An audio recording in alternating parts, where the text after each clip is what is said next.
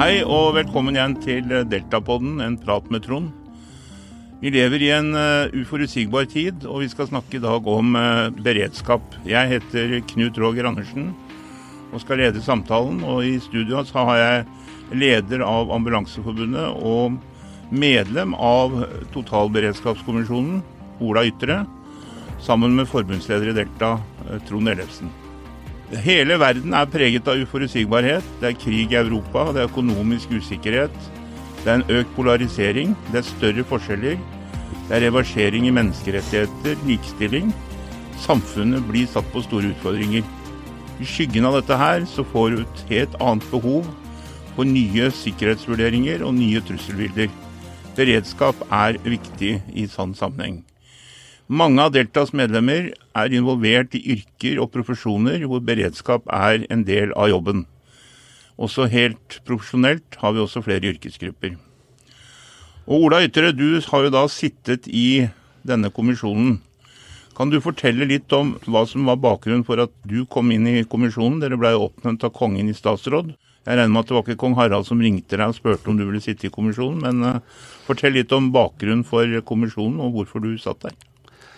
Ja, eh, kan kanskje starte med telefon, som jeg fikk eh, bare en, en, kveld. Jeg satt, eh, satt hjemme i sjokk om kvelden, ringte telefonen, og da var det han som presenterte seg om at han jobba i Justisdepartementet og hadde fått eh, i oppdrag om å ringe meg og spørre om jeg hadde lyst til å sitte og delta i en total beredskapskommisjon. Uh, det ble litt prat om litt eh, fram tilbake om, om hva, uh, hvorfor jeg ble spurt, og, og, det var, hadde vel mye å gjøre med at eh, Delta og uh, Ambulanseforbundet hadde en turné i uh, 2019 der vi besøkte over 100 ordførere over hele landet, og der beredskap og, var et sentralt tema, eller det, og det eneste. Mm. Du har jo da sittet i denne kommisjonen, og den, dere la fram innstillinga 17.6 eh, i år. Kan du fortelle litt om hva dere jobba med i kommisjonen? Ja, oss starta jo, dette var jo ei gruppe på 15 personer fra forskjellige områder som på en måte har blitt utplukka. Eh, og som skulle jobbes, jobbes igjennom totalberedskapen. Så dette her oss hadde jo inne flere innlegg fra mange forskjellige grupper i landet vårt som har med beredskap å gjøre. Det kom inn mange, mange forslag eller innspill som spurte Håmas i eh, kommisjonen. Så det var en stor jobb å gå igjennom alt dette her. Videre så eh, var vi eh, på en par turer, der vi var bl.a. i Brussel, EU-bygningen, Nato-bygningen. Vi besøkte Finland og Sverige, og så over i Finnmark. Som ga oss mye inntrykk i forhold til hvordan det sto til med beredskapen vår i forhold til mange andre. Eh, ja, Trond Ellefsen, eh, denne kommisjonen har jo avgitt en flere hundre siders eh, innstilling som nå skal ut på høring og diskuteres. Og for Delta så er det jo en vektig kommisjon, og det er et viktig arbeid. og Delta og du representerer jo mange yrkesgrupper som jobber direkte i førstelinjen når det gjelder beredskap. Hvordan, hvordan skal Delta jobbe videre med denne kommisjonens arbeid nå, før Stortinget endelig behandler den seinere? Først vil jeg si at jeg er veldig, Delta er veldig stolt av at uh, Ola ble spurt om å sitte i denne kommisjonen. Det er en veldig viktig kommisjon. og Som du sier, så har vi en rekke yrkesgrupper som medlemmer i Delta som uh, jobber med beredskap. Jeg, vet, ikke om jeg klarer å nevne alle engang, men uh, brann og, og ambulanse og prehospital det er jo klart. Vi har medlemmer på redningsskøytene, på hovedredningssentralene, Sivilforsvaret. altså Overalt nesten har vi, har vi medlemmer som jobber, jobber med beredskap. Og Beredskap det handler jo om å planlegge for noe som aldri skal skje, eller noe som vi ønsker aldri skal skje. da. Og Vi er veldig opptatt om at det skal være aksept for at beredskap er viktig. Og ved budsjettering i trange økonomiske tider er det ekstra vanskelig å planlegge og bemanne for å være i beredskap. Og Det betyr jo at denne rapporten ikke må legges i en skuff, den må brukes aktivt. På samme måte som eh, Delta har brukt eh, rapporten fra Helsepersonellkommisjonen, hvor vi har hatt besøk av lederen opptil flere ganger. Så eh, vil vi gjerne gjøre et arbeid også her, slik at eh, funnene i rapporten blir kjent for flest mulig, slik at flest mulig skjønner alvoret i beredskap. Da, at vi, har en bedre beredskap i Norge enn vi har i dag. Det er ganske åpenbart.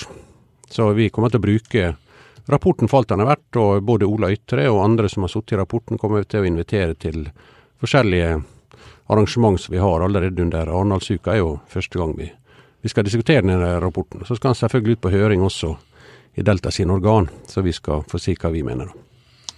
Det er veldig imponerende at Delta har klart på denne regjeringas vakt å bli oppnevnt i tre kommisjoner. Ola i denne totalberedskapskommisjonen, Lissi i helsepersonellkommisjonen og Ola Nei, uh, ja, denne helseutvalget, eller sykehusutvalget, som uh, Tor Arne Torkelsen satte. Så det er imponerende.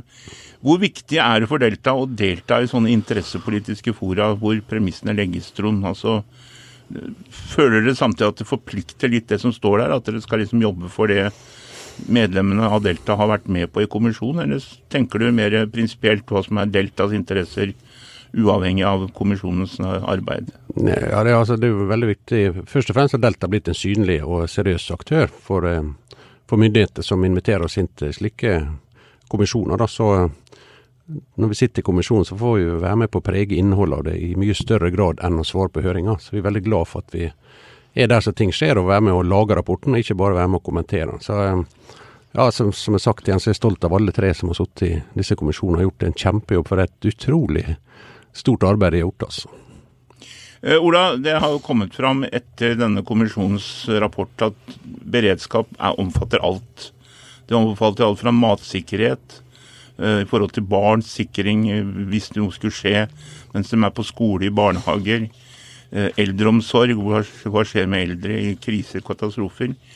Hvis du skulle si et sammendrag av din egen innsats i den kommisjonen, hva er det du har vært mest opptatt av å få fram, og som sitter igjen som resultat av det i kommisjonen? Hvis det er et bestemt område eller et bestemt punkt?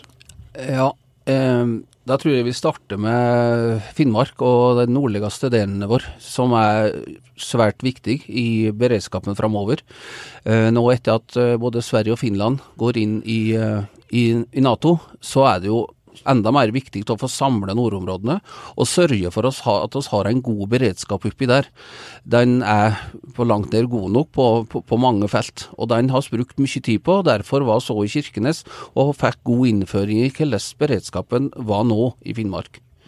Samtidig så um, jeg har jeg engasjert meg mye i den mat, uh, matberedskapen uh, vår som, eh, som, har på en måte over tid blitt nedbygd i forhold til både kornlager, matlager, kjøttlager og, mange andre, på, og på mange andre områder.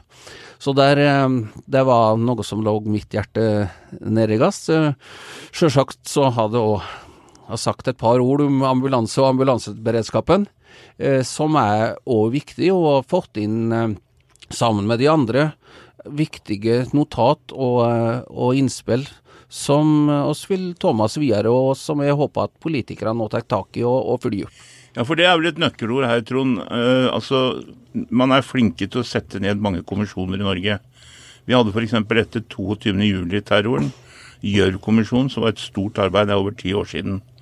Vi hadde terroranslag mot uh, homofile og lesbiske i Rosengransgata i fjor. Vi har fortsatt uh, i dag, mens denne podkasten er avslørt at det var et nytt terrorplanlagt terroranslag av nordmenn i Ungarn mot Norge, som skulle drepe enda flere enn 22.07. Altså terror er en del av virkeligheten. Hvordan tenker dere, Trond og Ola, på at vi setter ned mange kommisjoner, men, men blir det liksom et gap mellom det kommisjonene kommer med og det politikerne utgjør, Trond? Ja, men Det var litt av det vi sa i sted, at hvis det, rapporten bare blir lagt i en skuff, så er på en måte blir ikke funnene tatt på alvor. Så det er jo vårt ansvar i hvert fall at uh, disse rapportene som kommer, blir synlige for flere enn altså flest mulig. da. Og de evalueringa av de forskjellige hendelsene og innsatsen har vel vist at vi kanskje ikke har lært nok av de tidligere kommisjonene som har vært, uh, vært uh, etablert. da. Men skal du klare å forberede deg for krise, altså man forbereder seg gjerne på en annen krise enn den som kommer. da. Så, men vi må jo øve, da øvelser i, i fredstid eller i, i, hviletid er jo veldig viktig. Og da har jeg veldig lyst til å nevne her i denne podkasten at uh, når våre medlemmer er på øvelse, så må de være yrkesskadeforsikra. Og det er et problem vi har tatt opp flere ganger. Altså, vi må ha ei yrkesskadeforsikring som trygger ansatte som trener i arbeidstida, på at de har dekning dersom de blir skada under trening. Politiet har nå fått til dette her, mens andre ansatte i nødetatene, f.eks. brann og ambulanse, hvor vi har veldig mange medlemmer, de har ikke tilsvarende dekning. Selv om de også selvfølgelig skader seg i felles øvelser. Og Det samme mangler en dekning også i andre beredskapsyrker. Eh, vi i Delta har tatt opp dette i eget møte med arbeidsministeren, og vi har bedt om at Stortinget også følger opp en endring på dette. her. Og Det siste nå er at regjeringa legger opp til ei yrkesskadeforsikring for kriminalomsorgsansatte ved en endring i straffegjennomføringsloven. Kommer det tilsvarende endringer som favner brann og ambulanse? Spørsmålstegn. Istedenfor slike sektorvise endringer, så burde regjeringa endre yrkesskadelovgivninga slik at loven blir lik for alle, uavhengig av sektor og yrkesgruppe. Og Dette jobber vi veldig for i Delta. Vi kommer til å internalisere det arbeidet fremover, jobbe enda hardere med at våre medlemmer også skal være sikra under øvelse. Mm. Ja, Det er et eksempel på at det er fortsatt mye ugjort. Ola, når dere satt i kommisjonen, eh, diskuterte dere ettervirkningen av 22.07-kommisjonen? Altså, et spørsmål er liksom har vi lært noe av 22.07-kommisjonen? Og så fikk man i mellomtida noen man heller ikke kunne forutse, nemlig pandemien, som satte en hel verden ut. Mm. Uh, der er det sikkert nye kommisjoner som skal evaluere det, det vet ikke jeg. Men men hva tenkte dere rundt erfaringene fra 22.07-kommisjonen opp mot totalberedskapskommisjonen? Ja, det, Kommisjonen 22.07 den var jo oppe flere ganger, og vi eh, hadde jo med oss innspillene og det, det, arbeidet som var gjort da. Men så kom det vel òg tydelig fram at uh, alt som var gjort, ikke var iverksatt. Og det var behov for en ny, en ny vurdering av bortimot de samme tilfellene. Altså at, at beredskapen er ikke god nok. Det ble jobba gjennom, men ble på en måte kanskje burta en del på veien, da. Uh, det, så det var, godt, det var, godt, diskutert og gjennomgått, og vi hadde òg innlegg som uh, sa litt om uh, den, den kommisjonen. Så vi håper nå at, dette, at vi klarte å styrke dette ytterligere, og at det nå kom enda tydeligere fram at vi har behov for en bedre beredskap for det norske folk. Men hvis du skulle være litt mer konkret, Ola, hva, hva er det du ser på som den mest akutte utfordringen for å få en bedre beredskap i dag? Nei, altså jeg tror da at uh, i, som mandatet sier, at vi skal se dette her på stutt sikt og på lengre sikt. Men på, på stutt sikt så uh, mener jeg at uh, Stutt sikt, det betyr kort sikt, ikke sant? det betyr det. Ja, Det er så herlig dialekt. Ja, det er gode saker. Ja, flott. Men at vi må sørge for innbyggernes trygghet og sikkerhet, og at vi må se på styrke og svakheter i dagens beredskap. Og dette her er jo dette her er jo et, uh, Ordet tillit var jo noe vi brukte mye i kommisjonen, som vi bygde opp hele greia på. Og, og det tror jeg blir vesentlig òg i framtiden, at det må være med. Og på tvers gjennom sektorene hele veien. Mm.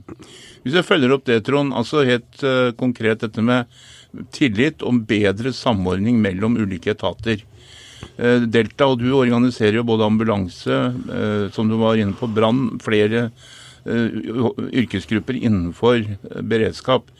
Ser dere muligheter til å få en bedre samhandling mellom disse etatene hvis man gjør grep for det, og i så fall vil arbeidstakerne være med på, være med på den omstillinga? Ja, selvfølgelig. Og som jeg nevnte i sted, felles øving er jo veldig viktig. Da. At man, de etatene øver sammen. Eh, også når det ikke skjer ulykker, slik at de kan samhandle bedre når det skjer ulykker. Det, det, det er kanskje det viktigste man kan gjøre. Men eh, beredskap er jo så mye mer enn bare disse gruppene der. Vi kan tenke på matberedskap, som vi vet også Ola har vært veldig opptatt av. da. For hva gjør du egentlig på sykehjemmet den dagen matleveransen helt uteblir, og kanskje vannet forsvinner i en krigssituasjon eller en krisesituasjon, så kan det fort skje. Vi vet at myndighetene kommer med råd til hva vi innbyggere bør ha på lager hjemme. Men det bør også være krav til hva offentlige institusjoner bør ha dersom det oppstår en krise. Og Dette vet jeg at eh, Kost- og ernæringsforbundet i Delta har vært veldig opptatt av, og de spilte det inn til kommisjon og har fått eh, det med som et tiltak. Er ikke det riktig, Ola? Jo. Det er jo eh, særdeles viktig, bare for å si litt om det, da, så er det jo nå flere institusjoner, sykehus, som får cateringmat. Og det er jo på en måte helt eh, katastrofe den dagen brua blir bomba, eller snoraset går, jordraset går, slik at den cateringen ikke kommer fram mot sykehuset, eller på en eh, alders, eh, aldershjem. da. Og, og, det er så godt som ingen matberedskap på så det, her er det mange ting som må gås gjennom, ja.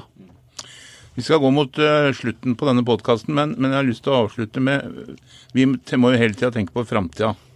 Og vi må være forberedt på det vi ikke vet kommer. Mm. Uh, alt fra terroranslag, som vi har vært utsatt for i Norge, mm. krig som følge av det. Mm. Det kan være naturkatastrofer, alt fra det som skjedde uh, på Vestlandet hvor det er ras, eller for den saks skyld det som skjedde i Akershus her for et par, par år siden med et annet ras. Hvilke scenarioer opererte dere med i kommisjonen i forhold til mulige scenarioer for det som kan skje, men som ikke vet kommer til å skje? Hva, hva Går det an å dele noen tanker rundt det?